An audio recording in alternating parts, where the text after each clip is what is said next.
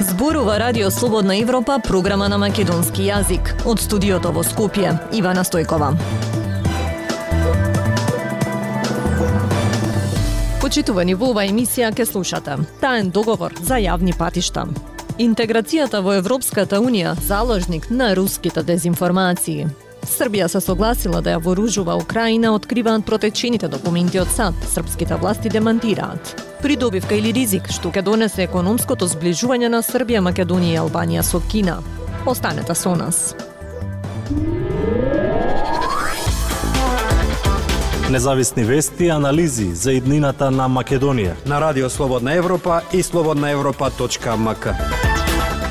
Деловна тајна е договорот со Бехтел и Енка за коридорите 8 и 10Д, изјави координаторот на проектот и вице-премиер Артан Груби. Тој објаснува дека државата нема да исплаќа пенали, туку дополнителни трошоци ако не се изменат 8 закони. Условите за 60 часовна работна недела владата ги договорила пред да се донесат законските измени со кои ќе се спроведе. Зорана Гаджовска-Спасовска ги има деталите на оваа тема. Тројца министри, неколку директори и десетина представници на министерства и институции пред медиумите објаснуваа дека контроверзиите околу историскиот проект за изградба на коридорите 8 и 10 и не се баш контроверзни. Гладниот збор го имаше првиот вице-премиер и координатор на проектот Артан Груби кој кажа дека договорот со конзорциумот Бехтел Јенка не е достапен за јавноста затоа што е класифициран, односно е деловна тајна побарање на изведувачот, но и на владата. Објаснувањето беше дека никаде во светот како да што Бехтел Јенка склучувале договори не биле јавно објавени. Неговиот колега, министерот за економија Кришник Бектеши, вели дека ова не е прв пат договори со компании да не се објавуваат за да се заштитат нивните интереси. Така не се објавени договорите со Окта, Еуромакс, кинеската Синохидро и турски ТАФ. Имаме договори кои се деловна тајна со компании кои котираат на берза и сензитивна информација да се објави начинот на кој работат овие компании. Имаме стотици такви договори, особено со фирми кои работат во тир зоните, вели Бектеши. Но вице-премиерката за добро владење Славица Грковска вели дека не гледа причини зошто да не се објави договор кој од стратешко значење но сепак остава резерва. Станува збор за стратешки договор од национален интерес. Не сум сигурна во моментов ќе проверам дали има евентуално некоја клаузула што би го спречила тоа. Во спротивно, пак ќе кажам, тоа е договор од национален и стратешки интерес и не мислам дека треба да биде сокриен од јавноста, изјави вице-премиерката Грковска на друг настан. Освен владата, договорот подпишан со конзорциумот Бехтел Јенка го има и јавното обвинителство, кој отвори предмет за коридорите, потврди Груби. Тој додаде дека владата ќе размисли дали ќе може да го видат и пратениците со сертификат за класифицирани информации кои ќе треба да гласаат за осумте закони во скратена постапка, што според него треба да овозможи побрза и поевтина изградба на коридорите. Опозицијата обвинува дека овој договор е штетен за државата и дека владата ќе плаќа пенали од над 50 милиони евра. Груби и Ковачевски го дементираа подпредседателот Александар Николовски дека владата по истек на 45 ден од подпишувањето на договорот ќе мора да исплаќа пенали. Тоа значи дека на 23 април сите граѓани на Македонија за ништо ќе треба да платат 53 милиони евра, напиша подпредседателот на ВМРО ДПМН Александар Николовски на својот профил на Facebook каде што објави само една страна од вкупно 438 страници од договорот на англиски. Груби не ја потврди, ама не ја ни демантираше автентичноста на објавената страница од договорот. Демантираше само дека станува збор за пенали. Вели дека доцнењето е тоа што ќе ја крене цената на изградба наредбата на крајот. И според објавената страница кај Николовски и според брифингот, тоа значи дека ако не се донесат измените во законите кои им се необходни за исполнување на условот завршен проект за 4 години и 7 месеци, предвидени во договорот, тогаш рокот за изведба се зголемува за најмалку 6 месеци, а цената во старт ќе порасне за најмалку 53 милиони евра, пошто ќе следуваат најмалку дополнителни 900.000 евра за секој месец доцнење од предвидениот рок. За договорот за условите за работа и очекуваните резултати од конзорциумот Бехтел и Енка кој владата го подпише на 8 март се преговарало врз основа на недонесени закони кои сега чекаат собраниски амин, потврди министерот за транспорт и врски Благој Бочварски. Тоа значи дека владата се договорила работниците на автопатите да имаат 60 часа работна недела, иако во Македонија со закон досега е пропишано 40 часа. Овој проект од самиот почеток го следат контроверзии. Слободна Европа. Следете на на Facebook, Twitter и YouTube. Лагите и дезинформации го отежнуваат водењето на нормална политичка дебата за промена на уставот, смета американскиот специјален пратеник Джеймс Рубин. Председателот Стево Пендаровски предупредува дека дезинформациите имаат потенцијал да влијат врз крупни политички и граѓански процеси и кај нас. Прилог на Пелагија Стојанчова.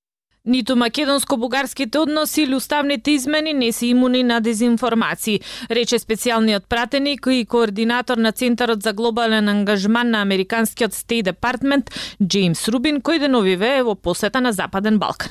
Преседателот на Македонија Стево Пендаровски посетбата со Рубин рече дека дезинформациите имаат потенцијал да влијаат врз крупни политички и граѓански процеси и кај нас и во светот и поради тоа се една од приоритетните закани за национал националната безбедност на многу држави. Тој вели дека државата е посветена да ја зајакне отпорноста кон дезинформациите, вклучувајќи отпорноста на кампањите на дезинформации што имаат за цел да потикнат антизападно расположение кај македонските граѓани и да заговараат нејасни алтернативи на европските интеграции. Велат од кабинетот на председателот Пендаровски. Рубин на 11 април во Скопје изјави дека во Северна Македонија има портали и медиуми кои копираат вести со дезинформации без да ги проверат и без да почитуваат новинарски стандарди. Потоа тие вести брзо се шират по социјалните мрежи. Во Бугарија пак има многу загадувачи во медиумскиот простор кои објавуваат малициозни истории, информации и манипулации, а понекогаш дури и лаги, рече тој. I'm sure there are those in the region and in the Kremlin who don't want to see Има такви во регионот и во Кремљ кои не сакаат да се направи прогрес во евроинтегративниот процес на Северна Македонија. Сигурен сум дека седат и да размислуваат како да направат проблем. Рубин разговараше со македонските власти, а најави дека наскоро ќе зборува и со бугарските, а една од главните теми ќе биде проблемот со дезинформација. Нема ниту магично стапче, ниту може да се очекуваат резултати преку ноќ во борбата со дезинформациите, вели Катерина Синадиновска од Советот за етика во медиумите. Таа посочува дека треба да се прави разлика меѓу ширењето на дезинформации преку центри за пропаганда и така наречените дневни дезинформации. Со првите додава таа, кога за задираат и во безбедноста на државата, новинарите не може сами да се борат, па затоа е потребен организиран пристап. Ние како Совет за етика, како дело за саморегулација, секогаш ќе бидеме на линијата дека фелата тоа треба да се го прави и многу внимателно ќе пристапиме кон сите процеси кои што ги овластуваат властите да решаваат што е тоа дезинформација, што е тоа добро новинарство, што не. Рубин вели дека е потребно со закони да се утврди правилото на рекламирање во медиумите на странски субјекти, а отвара и можност за регулирање на социјалните медиуми. Синадиновска вели дека што се однесува до регулација на социјалните медиуми, клучна во таа дебата и во одлуките потоа е да бидат вклучени самите медиуми и новинарските организации за да не се повреди слободата на говор, а од друга страна да им се гарантира на граѓаните дека ќе бидат подобро заштитени од ширењето на дезинформации. Затоа како граѓаните да бидат медиумски пописмени, таа вели дека акцентот не треба да е само на учениците и студентите. Дайте ни 15 минути и ние ќе ви го дадеме светот. Слободна Европа.мк Србија е една од ретките земји во Европа која одби да ја санкционира Русија поради нејзината инвазија врз Украина. Се согласила да испорача оружје на Киев или веќе го испратила. Стои во еден од доверливите документи на Пентагон, објави агенцијата Reuters. Деталите ги пренесува Владимир Калински. Документот во кој имала увид агенцијата Reuters резиме на одговорите на европските влади и на барањата на Украина за воена обука и воена помош или оружје е меѓу десетиците доверливи документи кои протекоа и беа објавени на интернет во последните неколку недели, а за кои велат дека би можеле да бидат најсериозното протекување на тајни документи на САД во последниве години. Насловен Европа, одговор на тековниот руско-украински конфликт, документот во форма на графикон ги наведува проценетите позиции на 38 европски влади како како одговор на барањата на Украина за воена помош. Во графиконот е наведено дека Србија одбила да обезбеди обука за украинските сили, но ветила дека ќе испрати воена помош или веќе ја доставила. Исто така, дека Србија има политичка волја и воена способност во иднина да ја обезбедува оружје на Украина. Документот е означен како таен, кој забранува дистрибуција на странски разузнавачки служби и на армијата. Датира од 2 март и има печат од канцеларијата на началникот на Сдружениот генерал штаб на САД. Ројтерс не можеше независно да ја потврди автентичноста на документот. За сега нема одговори од Пентагон, а предходно од таму одбија да коментираат за кој било од објавените документи. Владата предводена од Вучик се залагаше за неутралност во војната во Украина и покрај длабоките историски, економски и културни врски на земјата со Русија. Ако овој документ е вистинит, Тоа или ја покажува дволичноста на Вучик во однос на Русија или тоа е под огромен притисок од Вашингтон да испорача оружје на Украина, изјави за Reuters Јануш Бугајски, експерт за Источна Европа во фондацијата Джеймстаун, Институт за надворешна политика.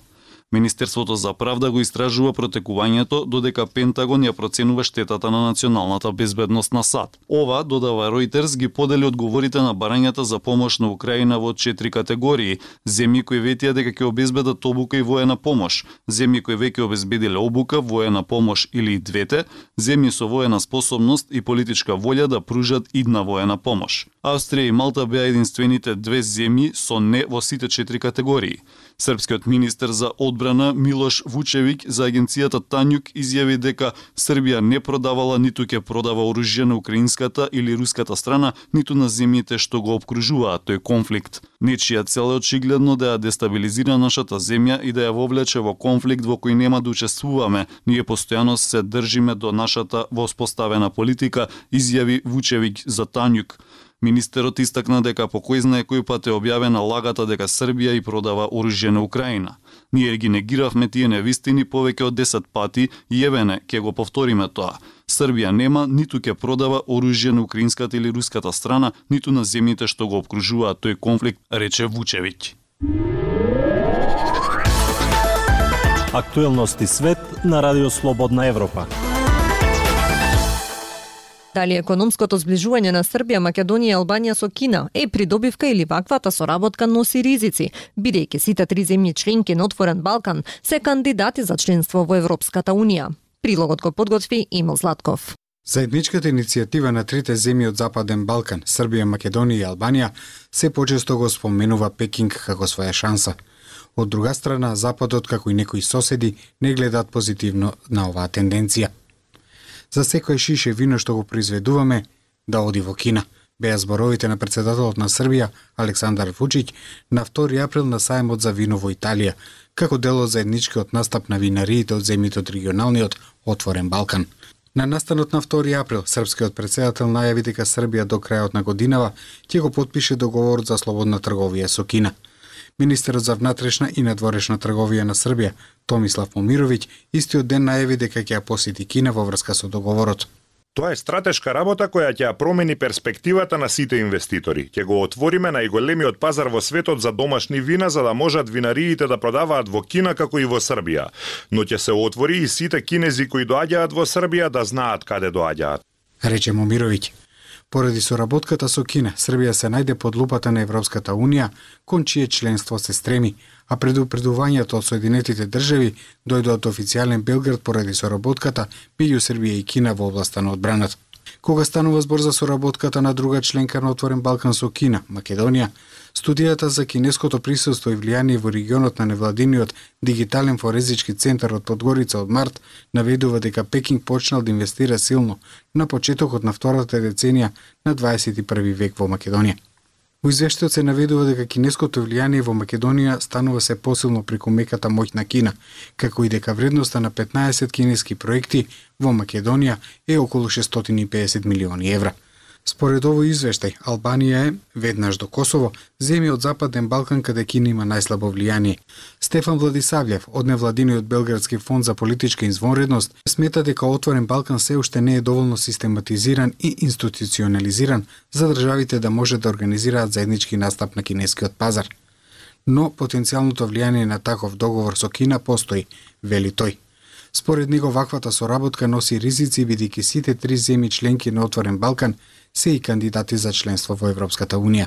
Ова може да го оптоварува процесот на преговарање и усогласување на економските политики, бидејќи Европската Унија како таква нема договор за слободна трговија со Кина. Рече Владисавлев и подсети дека Србија мора да го раскине договорот за слободна трговија со Кина во моментот кога ќе влезе во Европската Унија. Соработката на земјите од Отворен Балкан на кинескиот пазар беше споменати во јули 2022 Тогашната српска министерка за туризам Татјана Матиќ изјави дека заедничките настапи на Србија и Албанија на далечните пазари како Кина значително ќе придонесат за зголемување на бројот на пристигнување на туристи во регионот. Тоа беше се во вистите на Радио Слободна Европа од студиото во Скопје со вас беа Ивана Стојкова и Дејан Балаловски. До слушање.